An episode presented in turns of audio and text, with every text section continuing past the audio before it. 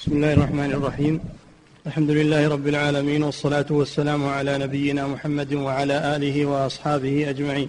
أما بعد قال المؤلف رحمه الله تعالى وقال غير واحد من السلف كان الرجل من الإنس إذا نزل بالوادي قال أعوذ بعظيم هذا الوادي من شر سفهاء قومه.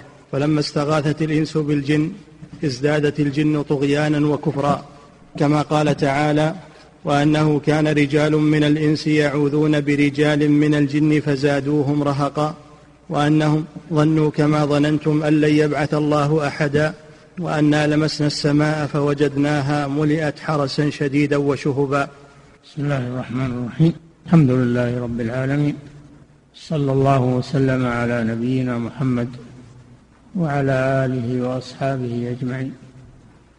الاستعاذة نوع من أنواع العبادة فلا يستعاذ إلا بالله فمن استعاذ بغير الله فقد أشرك أشرك في العبادة وكانوا في الجاهلية لجهلهم بذلك كانوا يستعيذون بالجن بدل أن يستعيذوا بالله كانوا يستعيذون بالجن فكان أحدهم إذا نزل منزلا في واد من الأودية قال أعوذ بسيد هذا الوادي من شر سفهاء من شر سفهاء قومه وهذا شرك. ولذلك النبي صلى الله عليه وسلم علم أصحابه وعلم المسلمين في أن يتركوا هذا الشرك وأن من نزل منزلا فإنه يقول أعوذ بكلمات الله التامات من شر ما خلق. فإذا قالها لم يضره شيء ما دام في منزله ذلك لأن من استعاذ بالله أعاذه الله سبحانه وتعالى وهو يجير ولا يجار عليه فهو يعيذ من استعاذ به. فهذا يدل على أن الاستعاذة لا تجوز إلا بالله أو بصفة من صفات الله وهي الكلام لأن الكلام من صفات الله سبحانه وتعالى. فإذا استعاذ بكلام الله أو بكلمات الله التامات فقد استعاذ بالله لأن الاستعاذة بالصفة استعاذة بالموصوف. هكذا علم النبي صلى الله عليه وسلم الأمة. في الاستعاذة وأنزل الله سبحانه وتعالى وأنه كان رجال من الإنس يعوذون برجال من الجن فزادوهم رهقا. كان رجال من الإنس يعوذون برجال من الجن مثل ما جاء في هذا الحديث. فزادوهم أي زاد الإنس الجن رهقا أي كبرا وإعجابا بأنفسهم.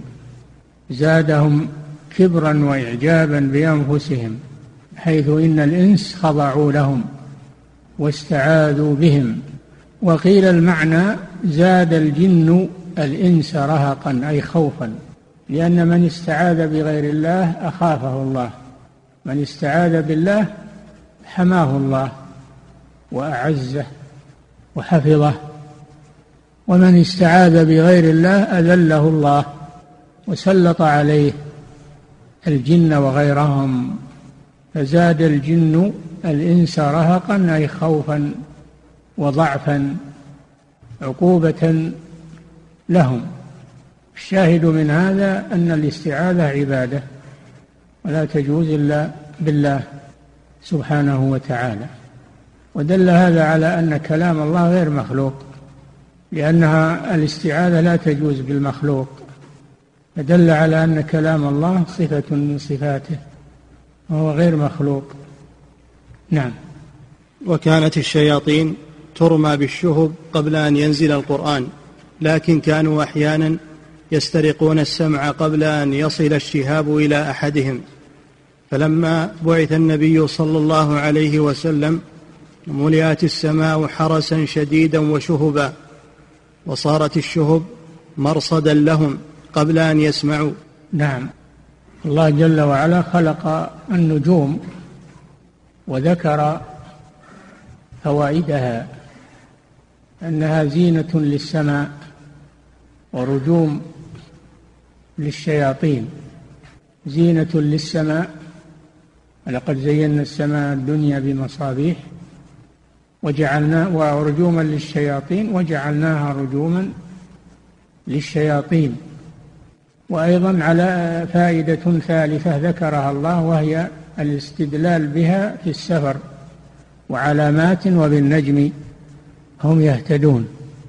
فالنجوم خلقت لثلاث زينة للسماء ورجوما للشياطين وعلامات يهتدى بها في البر وهو الذي جعل لكم النجوم لتهتدوا بها في ظلمات البر والبحر فيسير عليها المسافر ويعرف الاتجاه الذي هو يريد.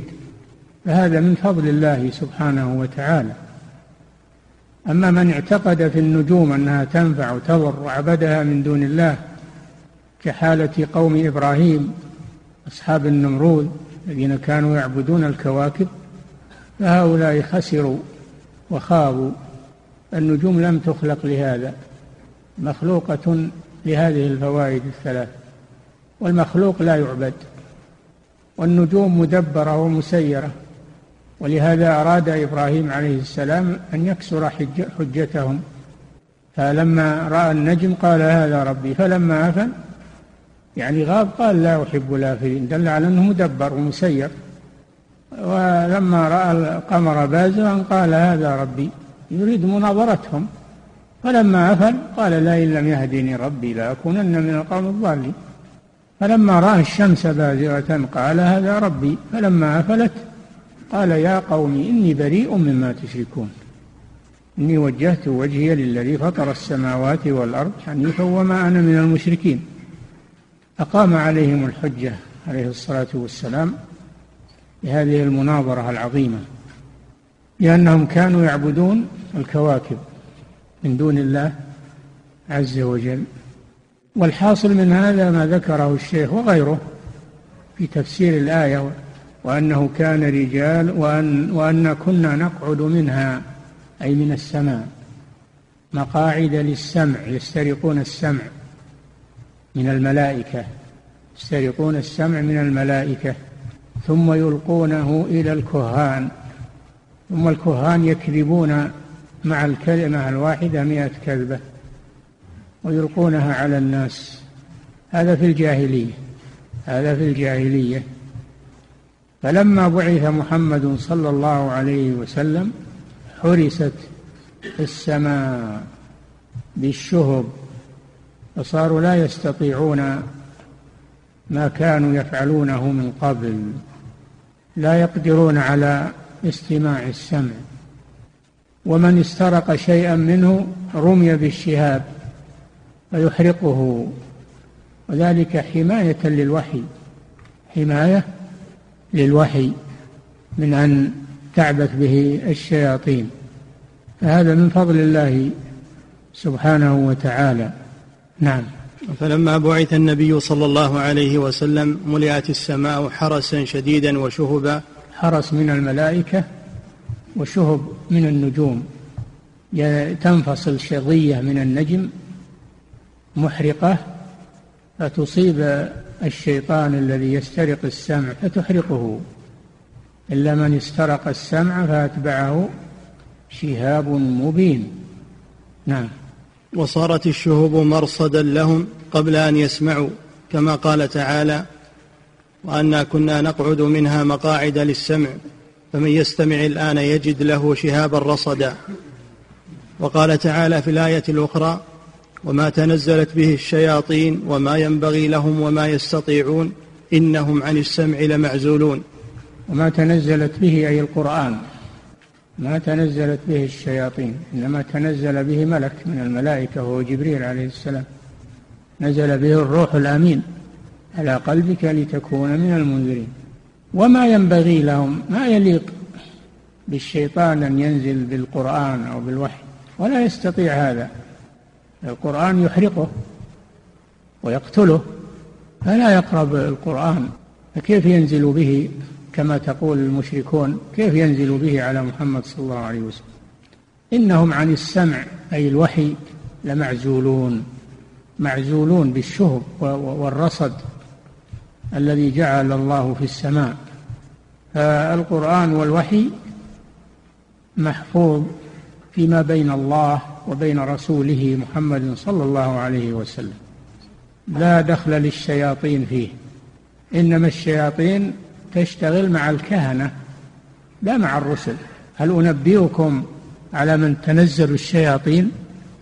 تنزل على كل أفاك أثيم. هم الكهنة. نعم. قالوا وأنا لا ندري أشر أريد بمن في الأرض أم أراد بهم ربهم رشدا. يقولون ما ندري وش السبب. ال ال هذه العلامات هذه تدل على شيء سيحدث ولا ندري ما هو. لا ندري أشر أريد بمن في الأرض أم أراد بهم ربهم رشدا وسيحصل شيء لأهل الأرض فيه الخير وفيه كان كذلك حصل الرشد والخير والقرآن والسنة والعلم النافع على يد هذا الرسول صلى الله عليه وسلم. وانظروا إلى أدبهم لا ندري أشر أريد بمن في الأرض؟ أم أراد بهم؟ شوف في الشر قال أريد ولم ينسبه إلى الله جل وعلا. وأما الرشد فنسبه إلى الله سبحانه وتعالى. نعم.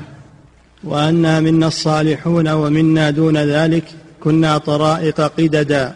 الجن مختلفون منهم المؤمن ومنهم الكافر ومنهم الصالح ومنهم الفاجر ومنهم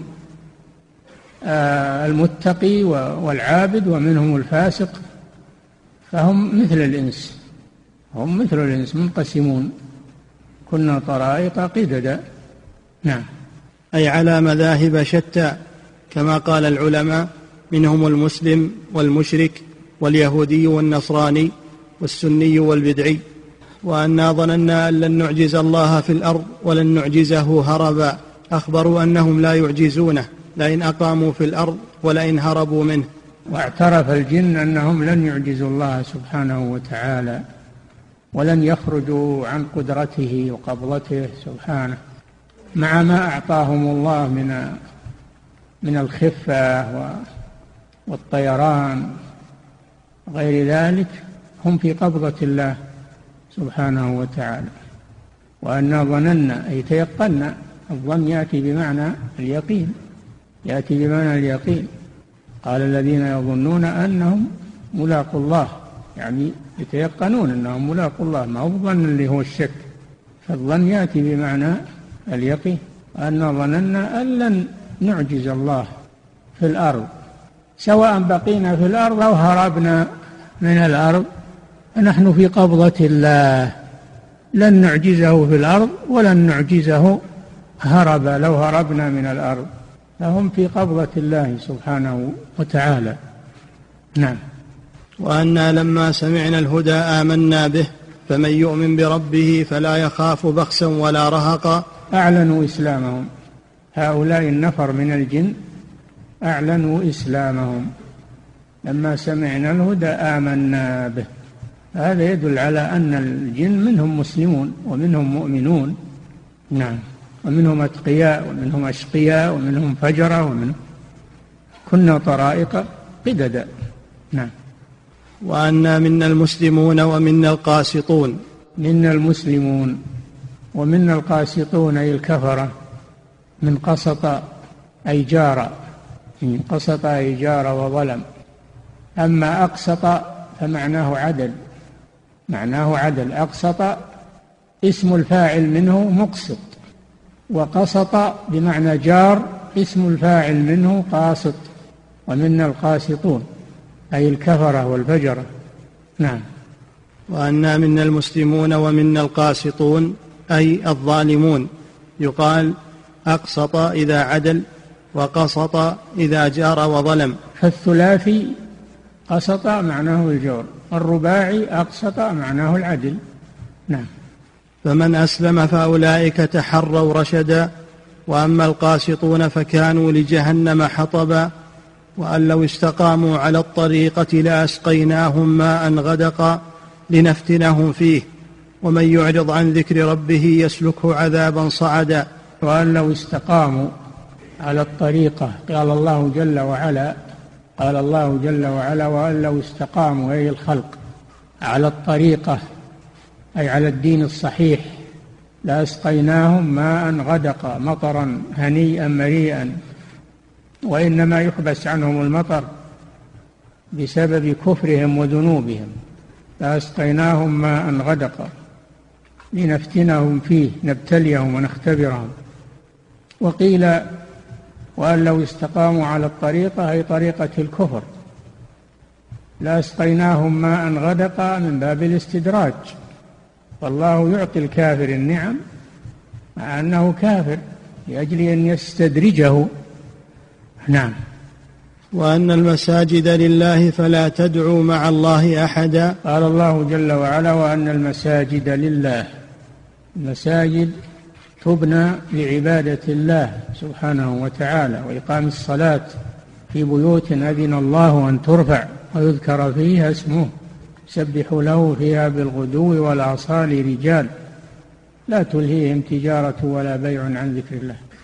هذا الذي تبنى له المساجد لعبادة الله عز وجل وإقام الصلاة وذكر الله عز وجل.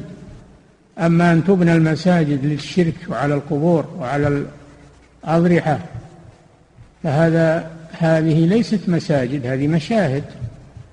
هذه تسمى بالمشاهد. ليست مساجد لأنها مبنية على الشرك وعبادة غير الله سبحانه وتعالى. ولهذا قال فلا تدعوا مع الله أحدا لا تستغيثوا بأحد غير الله جل وعلا فيما لا يقدر عليه إلا الله. الاستغاثة نوع من أنواع العبادة لا تكون إلا لله فيما لا يقدر عليه المخلوق. أما ما يقدر عليه المخلوق يجوز أن تستغيث بأخيك بقبيلتك بأن يعينوك استغاثه الذي من شيعته على الذي من عدوه. هذا فيما يقدر عليه. نعم. وأن المساجد لله فلا تدعوا مع الله أحدا.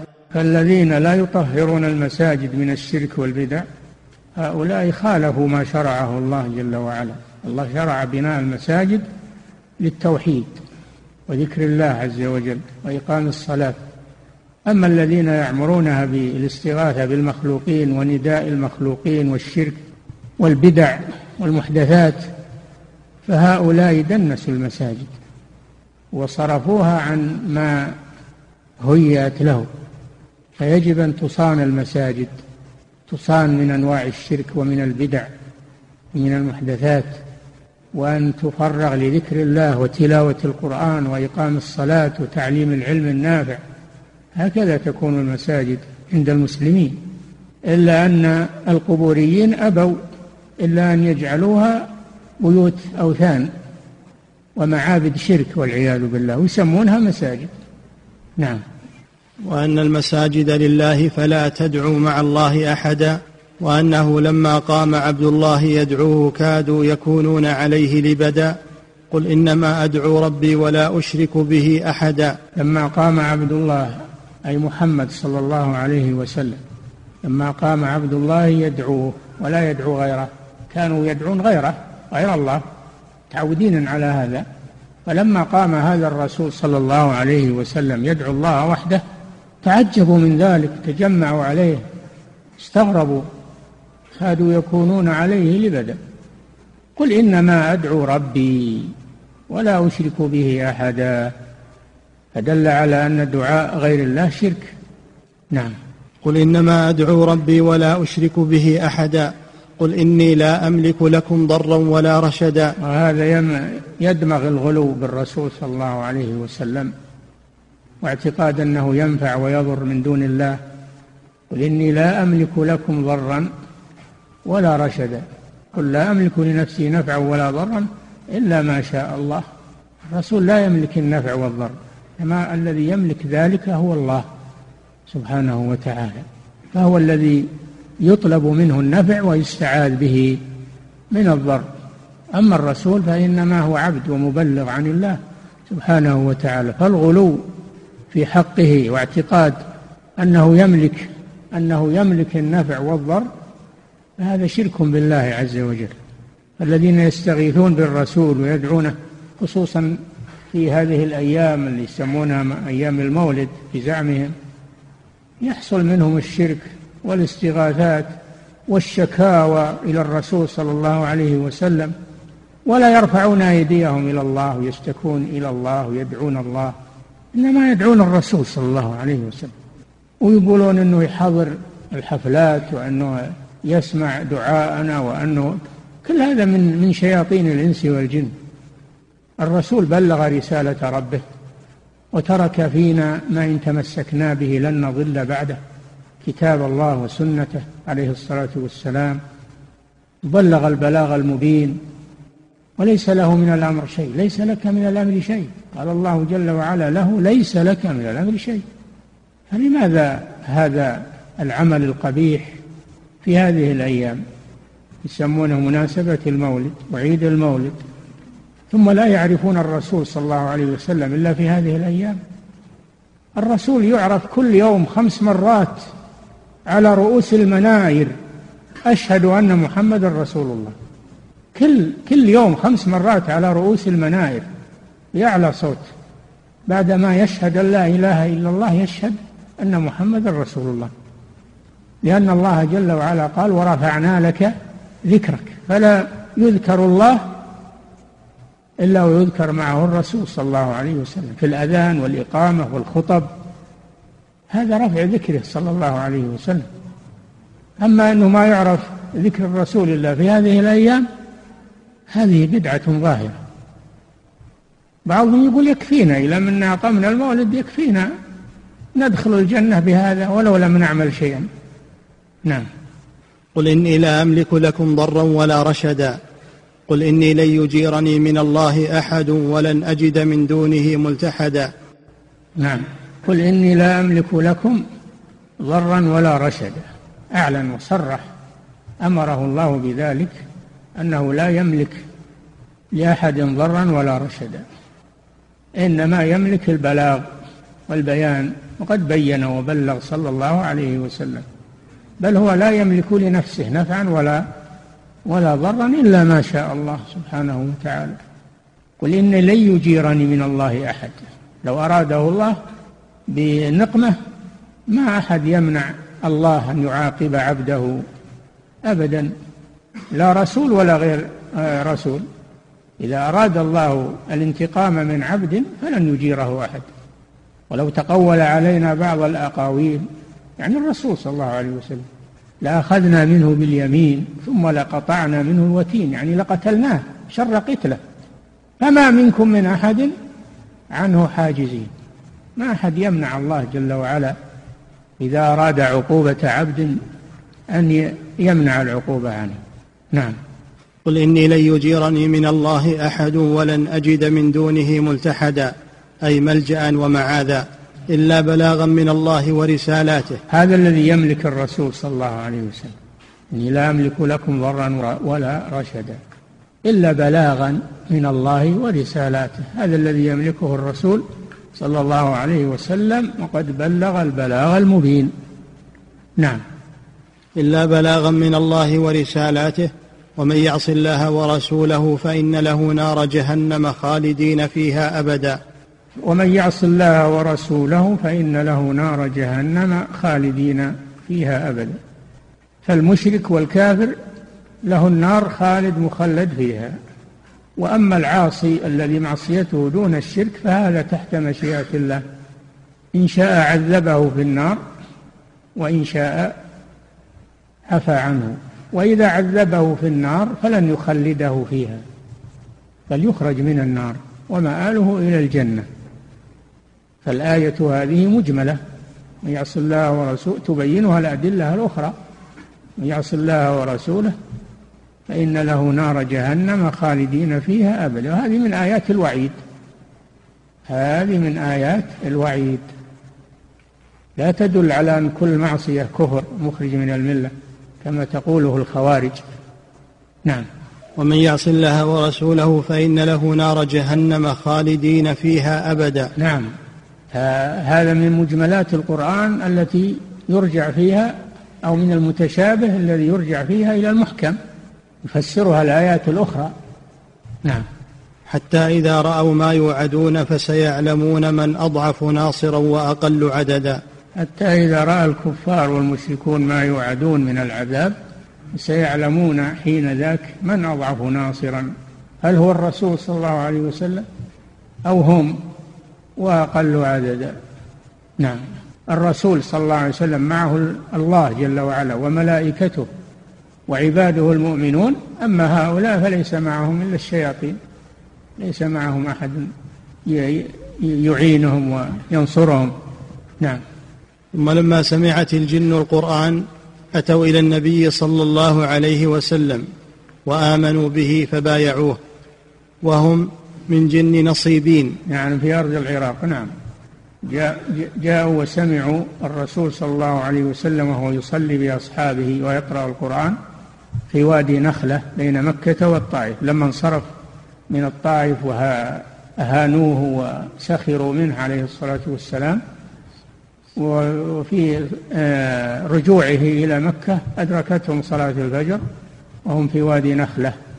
فصلى بهم الفجر وقرأ القرآن. فسمعت القرآن سمعت الجن هذا القرآن الذي لم يسمعوه من قبل. لم يسمعوه من قبل. ولم ينزل مثله إلا على موسى عليه السلام. إنا سمعنا كتابا أنزل من بعد موسى يهدي إلى الحق. فذهبوا وبلغوا قومهم فأسلموا وجاءوا يبايعون النبي صلى الله عليه وسلم على الإسلام لأن الرسول صلى الله عليه وسلم مبعوث إلى الثقلين الجن والإنس. نعم. كما ثبت ذلك في الصحيح من حديث ابن مسعود وروي أنه قرأ عليهم سورة الرحمن وكان إذا قال فبأي آلاء ربكما تكذبان؟ قالوا ولا بشيء من آلائك ربنا نكذب ربنا نكذب فلك الحمد. قال صلى الله عليه وسلم للجن أحسن ردا منكم. يعني الإنس إذا سمعوا قوله تعالى فبأي آلاء ربكما تكذبان؟ قالوا ولا بشيء من نعمك رب ربنا نكذب فلك الحمد ولك الشكر. نعم. ولما اجتمعوا بالنبي صلى الله عليه وسلم سألوه الزاد لهم ولدوابهم فقال لكم كل عظم ذكر اسم الله عليه تجدونه أوفر ما يكون لحما وكل بعرة علف لدوابكم. قال النبي صلى الله عليه وسلم ولذلك نهى النبي صلى الله عليه وسلم عن الاستجمار بالعظم والروث لأن العظم طعام المسلمين من الجن يكسوه الله لحما والروث يجعله الله علفا يرده الله علفا لدوابهم. نعم. قال النبي صلى الله عليه وسلم فلا تستنجوا بهما. فإنهما زاد إخوانكم من الجن. وهذا النهي ثابت عنه عليه الصلاة والسلام من وجوه متعددة. وبذلك احتج العلماء على النهي عن الاستنجاء بذلك. وقالوا فإذا منع من الاستنجاء ما أعد للجن ولدوابهم فما أعد للإنس, للإنس ولدوابهم من الطعام والعلف أولى وأحرى. إذا هذا يدل على أنه لا يستجمر بالطعام ولا بعلف الدواب بالإنس. العلف الذي يقدم للدواب ما يجوز لأحد أن يبول عليها وأن يستجمر. وكذلك طعام الآدميين لا يجوز لأحد أن يستجمر به. نعم. ومحمد صلى الله عليه وسلم أرسل إلى جميع الإنس والجن. رسالته عامة. نعم. وهذا أعظم قدرا عند الله تعالى من كون الجن سخروا لسليمان عليه السلام. نعم سليمان عليه السلام سخرت له الجن تعمل له تعمل له ما يريد لأن الله أعطاه ملكا لا يعطيه أحدا غيره. من ذلك أنه سخر له العفاريت والجن يعملون يعملون له ما يشاء من محاريب وتماثيل وجفان كالجواب وقدور الرأسيات. سخرها الله لسليمان تقوم بالعمران تغوص في البحار. تغوص في البحار وتأتي بالأشياء المطلوبة. كل بناء وغواص يبنون له ويغوصون في البحار ويأتون بالأشياء المطلوبة لسليمان عليه السلام. تسخير الله. هذه هذه ما ما حصلت للأنبياء إلا نبينا محمد صلى الله عليه وسلم فإنه أعطي أكثر مما أعطي سليمان عليه السلام. فإن الله بعثه إلى الجن والإنس. بشيرا ونذيرا. نعم. فرسالته عامة. نعم. وهذا أعظم قدرا عند الله تعالى من كون الجن سخروا لسليمان عليه السلام فإنهم سخروا له أن يتصرف فيهم بحكم بحكم الملك. ومحمد صلى الله عليه وسلم أرسل إليهم يأمرهم بما أمر به. نعم. سليمان عليه السلام نبي ملك. نبي وملك مثل أبيه داود عليه السلام. نبي وملك مثل يوسف عليه السلام. نبي وملك في نفس الأمر. أما نبينا صلى الله عليه وسلم فهو نبي وليس بملك. نعم. ومحمد صلى الله عليه وسلم أرسل إليهم بما أرسل إليهم يأمرهم بما أمر به فإنه عبد الله ورسوله ومنزلة العبد الرسول فوق منزلة النبي الملك. خير صلى الله عليه وسلم بين أن يكون نبيا ملكا وبين أن يكون نبيا وليس بملك فاختار أن يكون نبيا وليس ملكا. نعم.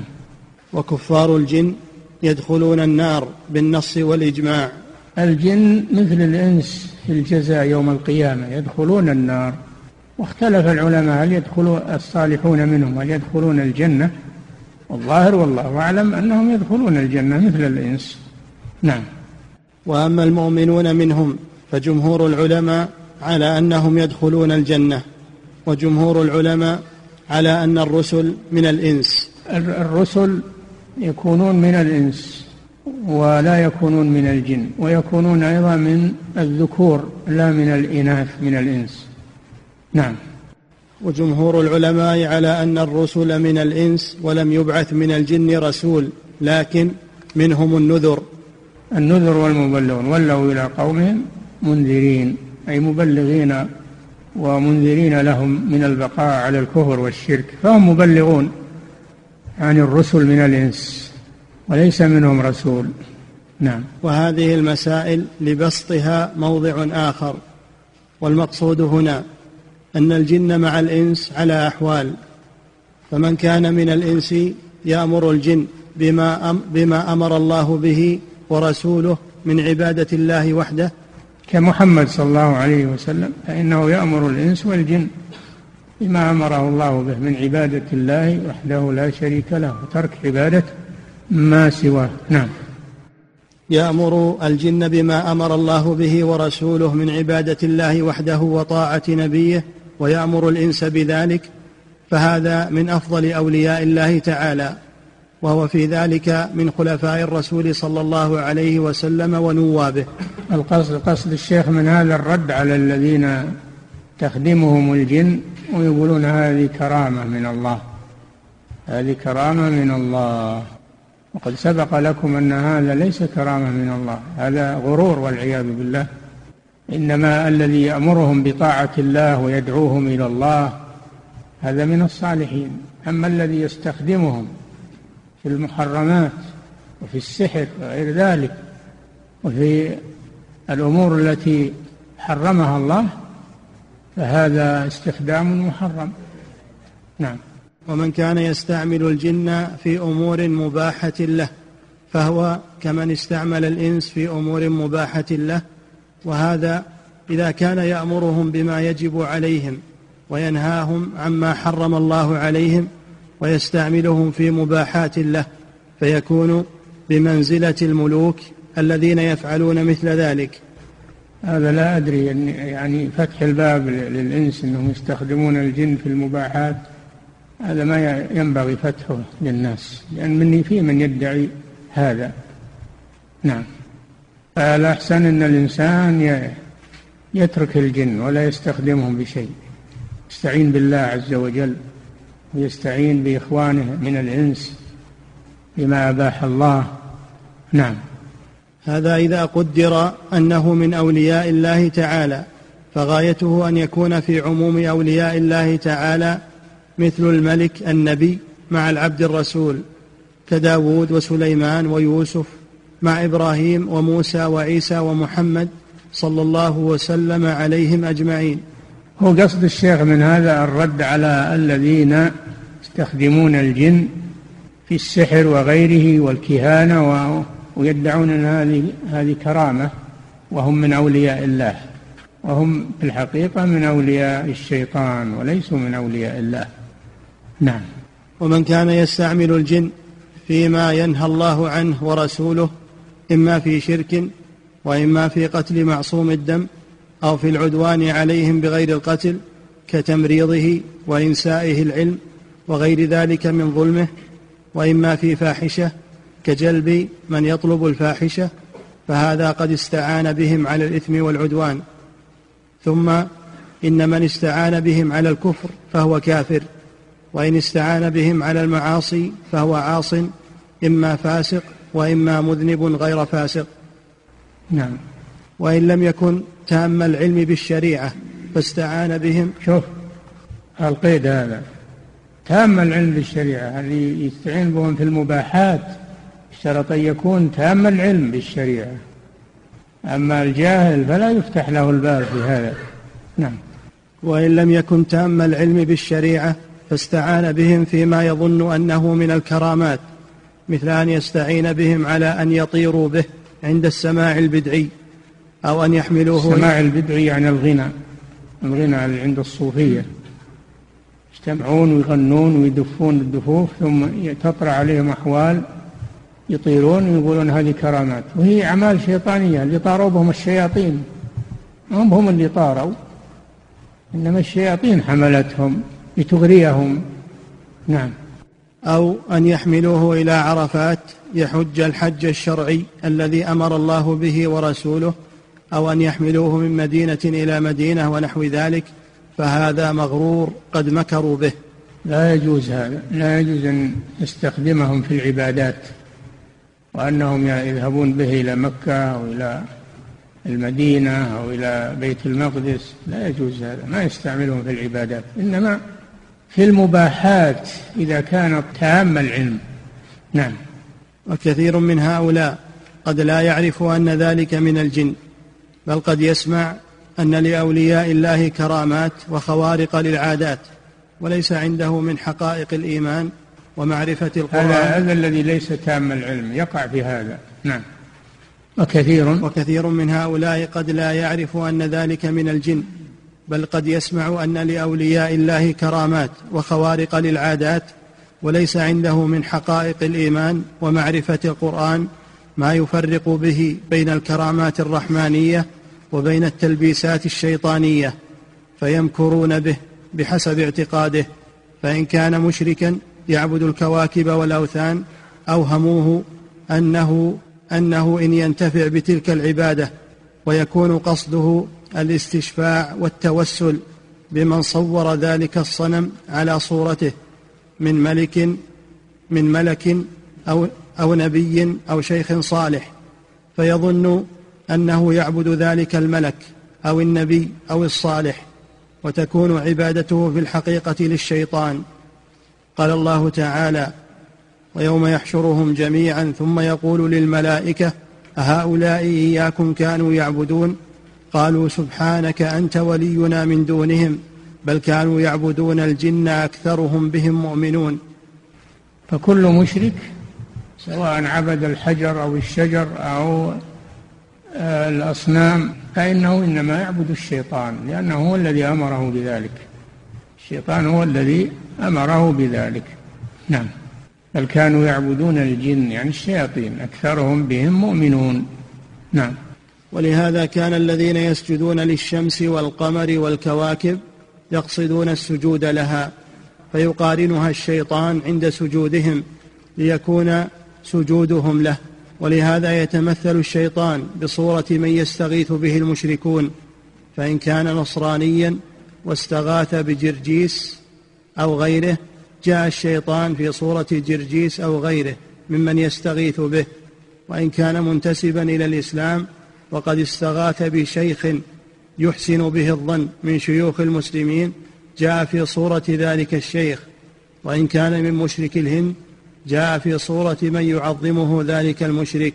ثم إن الشيخ المستغاث به إن كان ممن له خبرة بالشريعة لم يعرفه الشيطان أنه يتمثل به بأصحابه المستغيثين به. وإن كان الشيطان وإن كان الشيخ ممن لا خبرة له بأحوالهم ونقل أقوالهم له فيظن أولئك أن الشيخ سمع أصواتهم من البعد وأجابهم وإنما هو بتوسط الشيطان. ولقد أخبر بعض الشيوخ الذين كان قد جرى لهم مثل هذا بصورة مكاشفة ومخاطبة فقال يريني الجن شيئا براقا مثل الماء والزجاج ويتمثلون له فيه ما يطلب منهم الإخبار به. قال فأخبر الناس به. ويوصلون إلي كلام من استغاث بي من أصحابي فأجيبه فيوصلون جوابي إليه. بريد يعني صار بريد. نعم. وكان كثير من الشيوخ الذين حصل لهم كثير من هذه الخوارق إذا كذب بها من لم يعرفها وقال إنكم تفعلون هذا بطريق الحيلة كمن يدخل النار بحجر الطلق وقشور النارنج ودهن الضفادع وغير ذلك من الحيل الطبيعية. يتعجب هؤلاء المشايخ ويقولون نحن والله لا نعرف شيئا من هذه الحيل. فلما ذكر لهم الخبير إنكم لصادقون في ذلك ولكن هذه أحوال شيطانية أقروا بذلك وتاب منهم من تاب الله عليهم لما تبين لهم الحق وتبين لهم من وجوه كثيرة أنها شيطانية ورأوا أنها من الشياطين لما رأوا أنها تحصل بمثل البدع المذمومة في الشرع وعند المعاصي لله ولرسوله ولا تحصل عند ما يحبه الله ورسوله من العبادات الشرعية. والكرامات. إنما تحصل عندما يحبه الله ورسوله من الطاعات والعبادات. وأما خوارق الشيطان إنما تحصل عندما يبغضه الله ورسوله من المعاصي والشرك. هذا الفارق بين المعجزة هذا الفارق بين الكرامة وخارق الشيطان. نعم. ورأوا أنها من الشياطين لما رأوا أنها تحصل بمثل البدع المذمومة في الشرع وعند المعاصي لله ولرسوله ولا تحصل عندما يحبه الله ورسوله من العبادات الشرعية فعلموا حينئذ أنها من مخارق الشيطان لأوليائه لا من كرامات الرحمن لأوليائه. والله سبحانه وتعالى أعلم بالصواب وإليه المرجع والمآب صلى الله وسلم على محمد سيد رسله وأنبيائه وعلى آله وصحبه وأنصاره وأشياعه وخلفائه صلاة وسلاما نستوجب بها شفاعته. آمين. غفر الله له ورحمه. نعم. فضيلة الشيخ وفقكم الله أكثر الأسئلة عما يتعلق بالجن يقول يكثر في القنوات الفضائية من ينكر تلبس الجن بالإنس فكيف الرد عليهم؟ وفقكم الله. هم لم يعتمدوا على شيء إلا على عقولهم إلا على عقولهم في هذا النفي. عندهم دليل على هذا النفي الدليل على أنهم يتلبسون بالإنس. وهذا الشيء دل عليه القرآن ودلت عليه التجربة والواقع. فلا ينكر هذا. كالذي يتخبطه الشيطان من المس. دل على أن الشيطان يتخبط الإنسان بالمس والمخالطة. من ينكر هذا؟ يرد على على الآية؟ ما يمكن هذا. إنما اعتمدوا على عقولهم. اللي ما تصوروا عقولهم وتبلغ عقولهم ينكرونه. نعم. يقول فضيلة الشيخ وفقكم الله تكهن بعض الكهان بأشياء قبل فترة من الزمن عما سيحدث في هذه الأيام من حال الأمة فحدثت. فكيف نتعامل مع العامة بشأن تصديقهم لذلك؟ والكاهن يصدق في في بعض الأشياء مثل ما ذكر الرسول صلى الله عليه وسلم أن الشيطان قد يخطف الكلمة قبل الشهاب ويلقيها على على الكاهن. الكاهن يتلقفها ويكذب معها مئة كذبة مئة كذبة ويصدق بهذا الكذب بسبب الكلمة التي سمعت من السماء. ربما يصدق الكاهن بسبب ما خلط معه الكذب وهي وهو الاستراق الذي جاءه به الجني. نعم. يقول فضيلة الشيخ وفقكم الله سمعنا أن استراق السمع كان في الجاهلية وأنه الآن بعد بعثة النبي صلى الله عليه وسلم لا يمكنهم الاستماع فكيف للكهان أن يخبروا بما يحصل ويقع؟ الذي سمعتموه ما هو صحيح الاستراق باقي لكنه قل لكنه قل وندر عما كان في الجاهلية. من قال لكم أنه امتنع عن الاستراق؟ ما ما جاء ما يدل على انه امتنع امتناعا كليا. نعم. يقول فضيلة الشيخ وفقكم الله ما الحكم الشرعي عند رؤية الشهاب؟ هل هناك دعاء خاص؟ وهل يجوز للإنسان أن يتبعه بصره أم يغض بصره؟ هذا هو المنهي عنه أنه يتبع بصره. هو البرق ما يتبع بصره لأنه يضر البصر. وأما ما يقال فلا, فلا أعرف شيء يقال عند الشهاب ما أدري. نعم.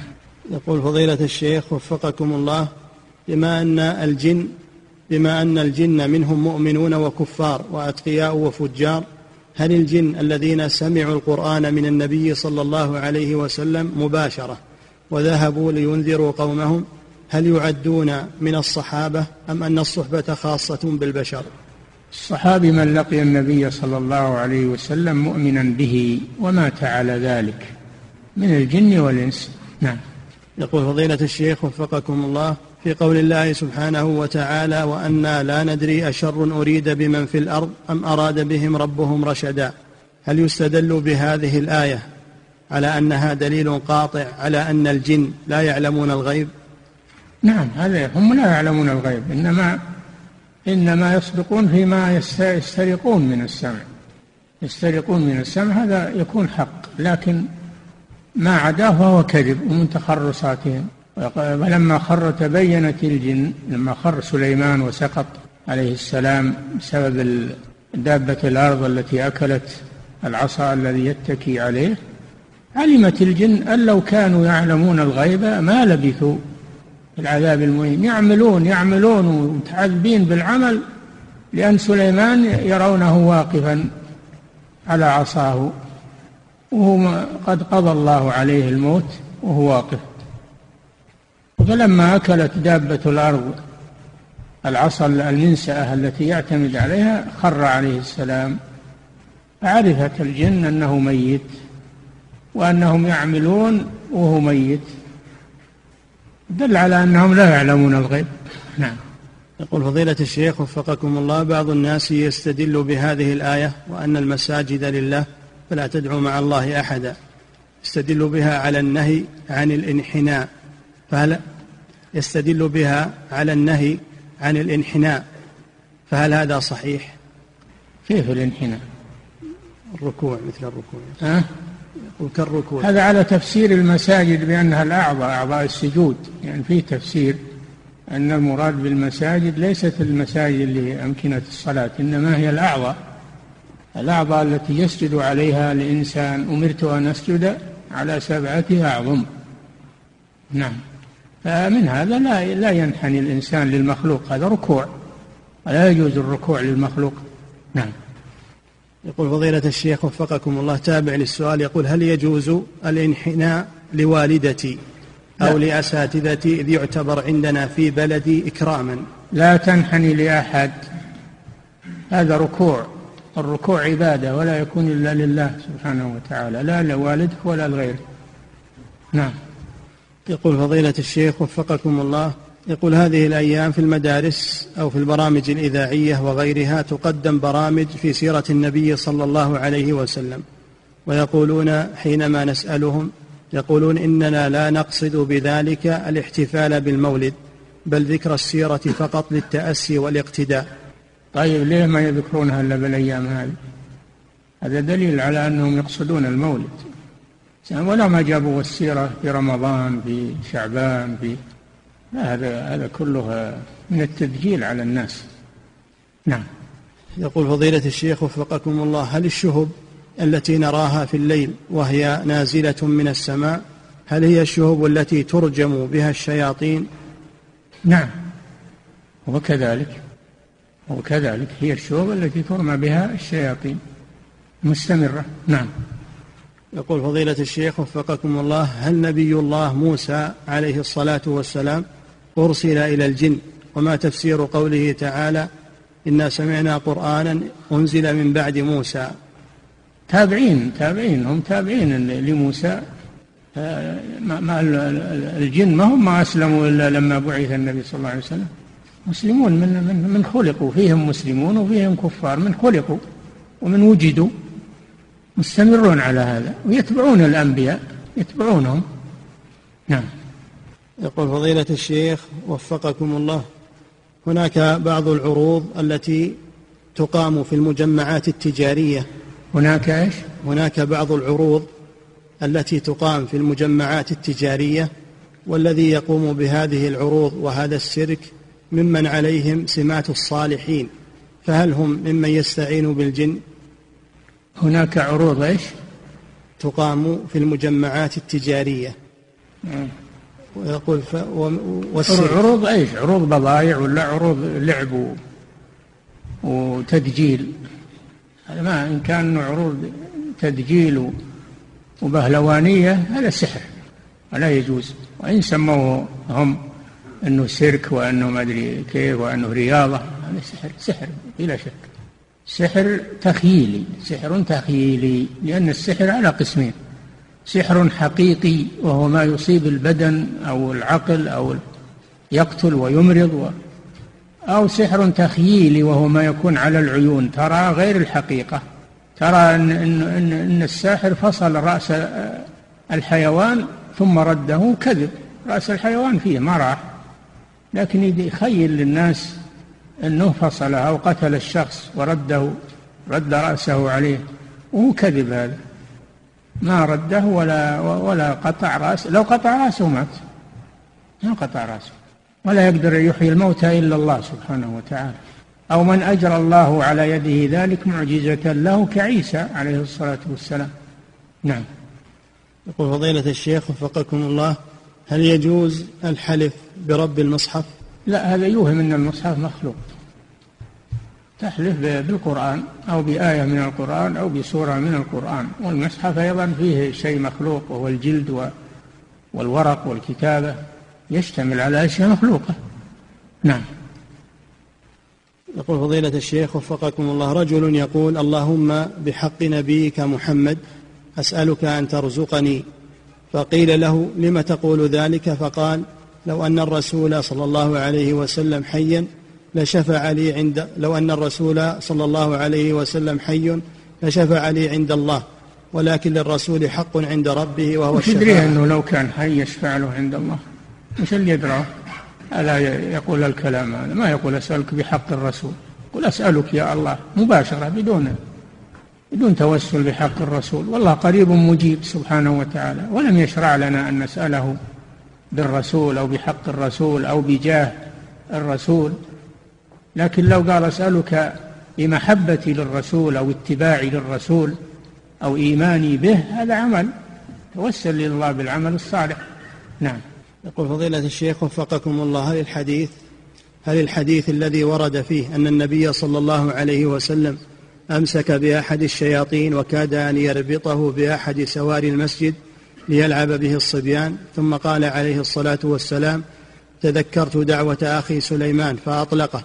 يقول هل نستطيع الاستدلال بهذا الحديث على تحريم الاستعانة بالجن في الأمور المباحة لأن هذا من خصائص سليمان عليه الصلاة والسلام؟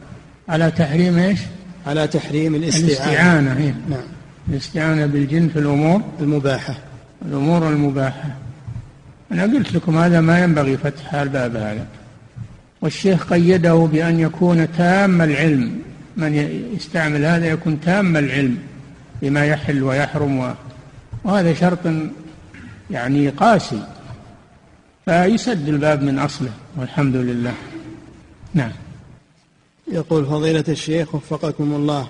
يقول هل يصح الاستدلال بفعل إبراهيم عليه الصلاة والسلام مع قومه في مسألة الكواكب أنه كان حينئذ مشركا لكنه بحث عن الحق ووفقه الله تعالى له بعد ذلك؟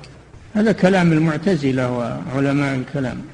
إبراهيم حنيف مسلم ما كان مشركا ولم يكن من المشركين. نعم. يقول فضيلة الشيخ وفقكم الله هل هناك فرق بين الجن والشياطين؟ لكنه أراد أن يناظرهم وأن يفهمهم بهذا أراد أن يفهمهم بهذا. نعم. يقول فضيلة الشيخ وفقكم الله هل هناك فرق بين الجن والشياطين؟ الشياطين مردة الجن. الشياطين أخص من الجن.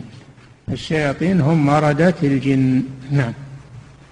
يقول فضيلة الشيخ وفقكم الله لو قال رجل بأنه سوف يذهب إلى الأودية والشعاب لكي يقرأ على الجن القرآن فهل يعد فعله مشروعا؟ ما عمل هذا أحد من السلف. اقرأ القرآن وأنت في المسجد أو في بيتك أو ولا تذهب إلى الأودية والشعاب. ما عمل هذا أحد من السلف وربما يحصل لك غرور بهذا الشيء. نعم. يقول فضيلة الشيخ وفقكم الله يوجد من يوجد من يخاف من ذكر الجن وإذا أراد ذكر شيء من الجن يقول بسم الله فيعبر عنهم بهذه اللفظة. فمثلا لا يقول هذا البيت يسكنه جن لكن يقول هذا البيت فيه بسم الله. فما حكم هذا اللفظ؟ لا أصل لها. أقول لا أصل لهذا هذا لا أصل له. إذا كان متأكد أن البيت فيه جن يقول فيه جن. وش يمنعه من هذا؟ هناك بيوت نعم يكون فيها جن. هذا شيء مشاهد ومجرد نعم. يقول فضيلة الشيخ وفقكم الله قال الله سبحانه وتعالى عن الجن أنهم قالوا إنا سمعنا كتابا أنزل من بعد موسى ولم يقولوا من بعد عيسى. فما تفسير ذلك لأن, لأن عيسى مكمل الإنجيل مكمل للتوراة. مكمل للتوراة.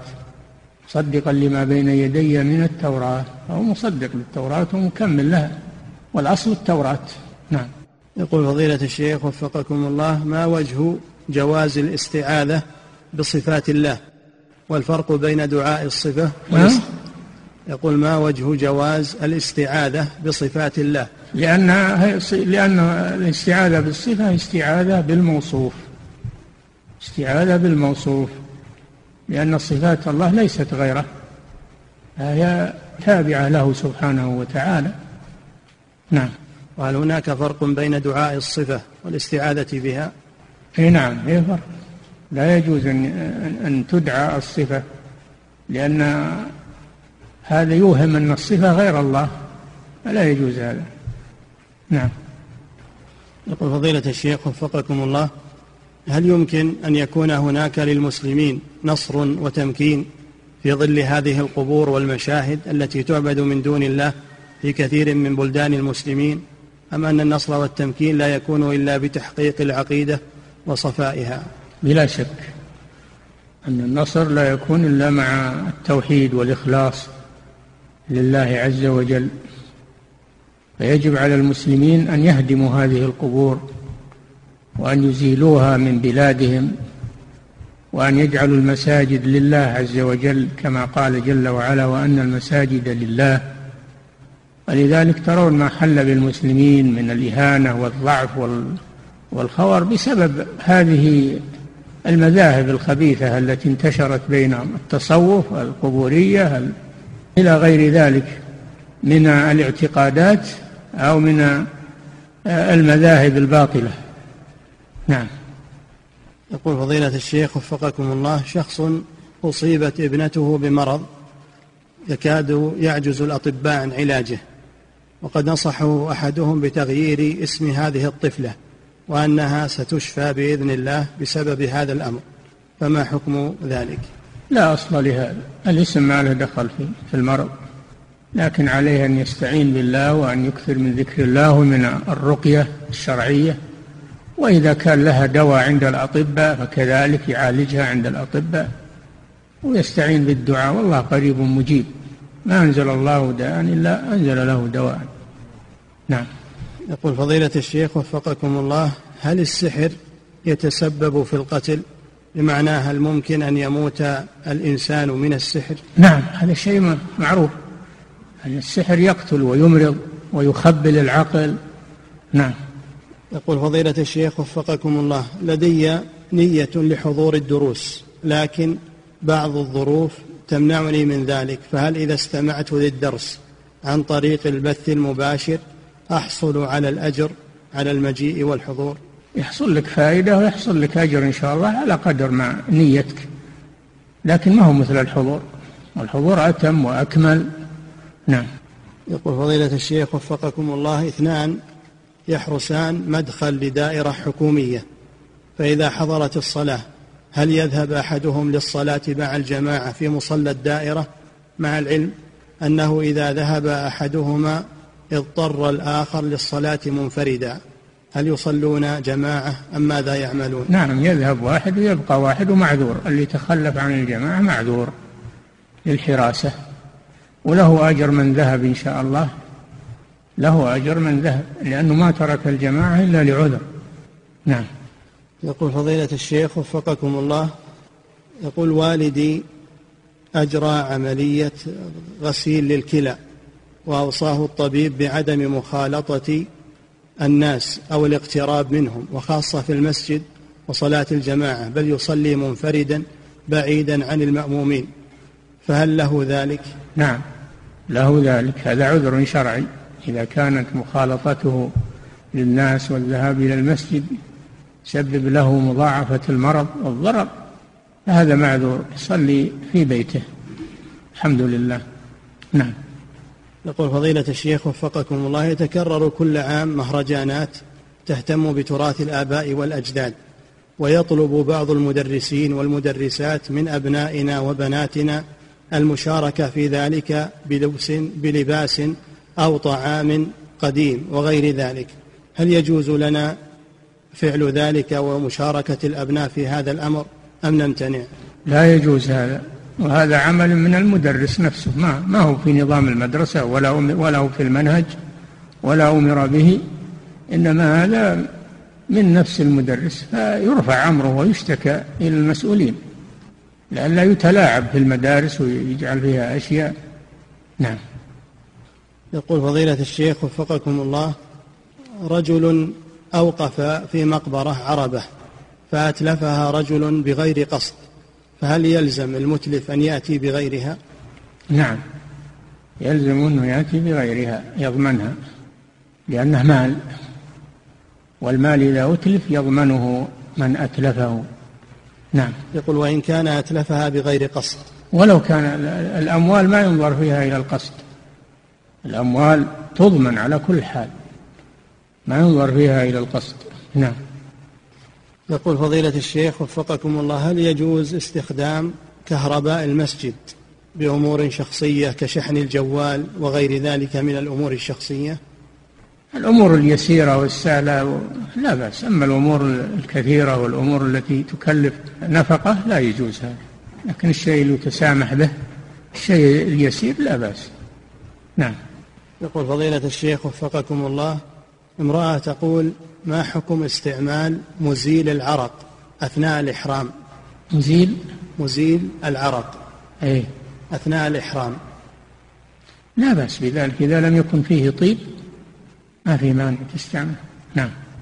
يقول فضيلة الشيخ وفقكم الله إذا سهى الإمام وترك سجده ثم نبهه أحد المأمومين ولكن الإمام لا يعرف بما سهى هل إذا تكلم أحد المأمومين وبين له بماذا سهى تبطل صلاة المأموم أم يكون هذا للضرورة؟ لا يأتي يأتي بآية توافق مثل اسجد واسجد واقترب. جيب آية تنبه على على المطلوب. نعم. اركعوا مع الراكعين إذا كان ترك الركوع. نعم. يقول يقول فضيلة الشيخ يقول وإذا كان المأموم لا يحفظ شيئا من القرآن أو لا يعرف ذلك فهل له أن يتكلم بكلام عادي؟ لا بس ما يتابع الإمام ما يتابعه على الخطأ وهو يعلم أنه مخطئ ما يتابع. نعم. يقول فضيلة الشيخ وفقكم الله ما الحكم في من يستدين مبلغا من المال بعملة الريال ويريد أن يسدد المبلغ بما يعادله بالجنيهات؟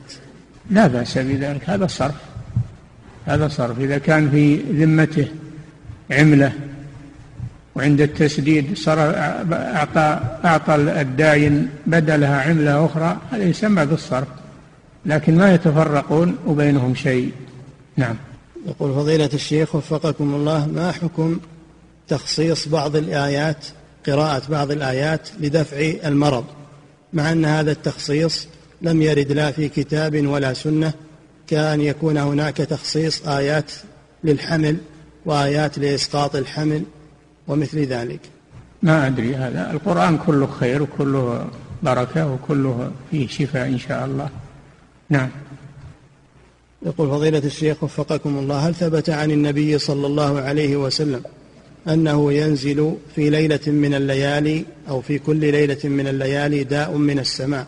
فأمر النبي عليه الصلاة والسلام بتخمير الآنية في الليل. نعم. هذا ورد الحديث الصحيح. تخمير الأواني وربط الأسقية وغير ذلك. هذا أمر به النبي صلى الله عليه وسلم لأنه ينزل شيء من من الوباء أو من المرض فيتحفظ الناس منه. نعم. يقول فضيلة الشيخ وفقكم الله ما مقصود شيخ الإسلام رحمه الله عند كلامه عن الجن قال لكن منهم النذر. ما منهم رسل وإنما منهم نذر ولوا إلى قومهم منذرين فهم يبلغون ما يسمعون من الرسل. نعم. يقول فضيلة الشيخ وفقكم الله. يقول ما حكم أن أري طلابي بعض الصور لمن يدعي أنه ولي ويقوم بعمل بعض الخوارق للعادة وذلك لأجل أن يتعظوا وأن لا يغتروا بمثل ذلك. لا لا تجيب لهم صور أبدا. بين لهم بالكلام وبالأدلة. ولا حاجة إلى الصور. نعم. يقول فضيلة الشيخ وفقكم الله نرى في بعض القنوات الفضائية أناسا يحتفلون بالمولد مثل الصوفية. فما حكم مشاهدتنا لذلك؟ لا يجوز مشاهدة هذا إلا لمن ينكره. لمن يقوم بإنكاره على من يفعله. أما أنه يتفرج فقط ولا ينكر فلا يجوز هذا. نعم. يقول فضيلة الشيخ وفقكم الله يرسلني زملائي في العمل لأشتري لهم بخورا وغير ذلك وآخذ زيادة على المبلغ الذي اشتريت به وهم يعلمون بذلك. وأحيانا تكون هذه الأغراض لصالح الجهة التي أعمل بها فهل فعلي صحيح؟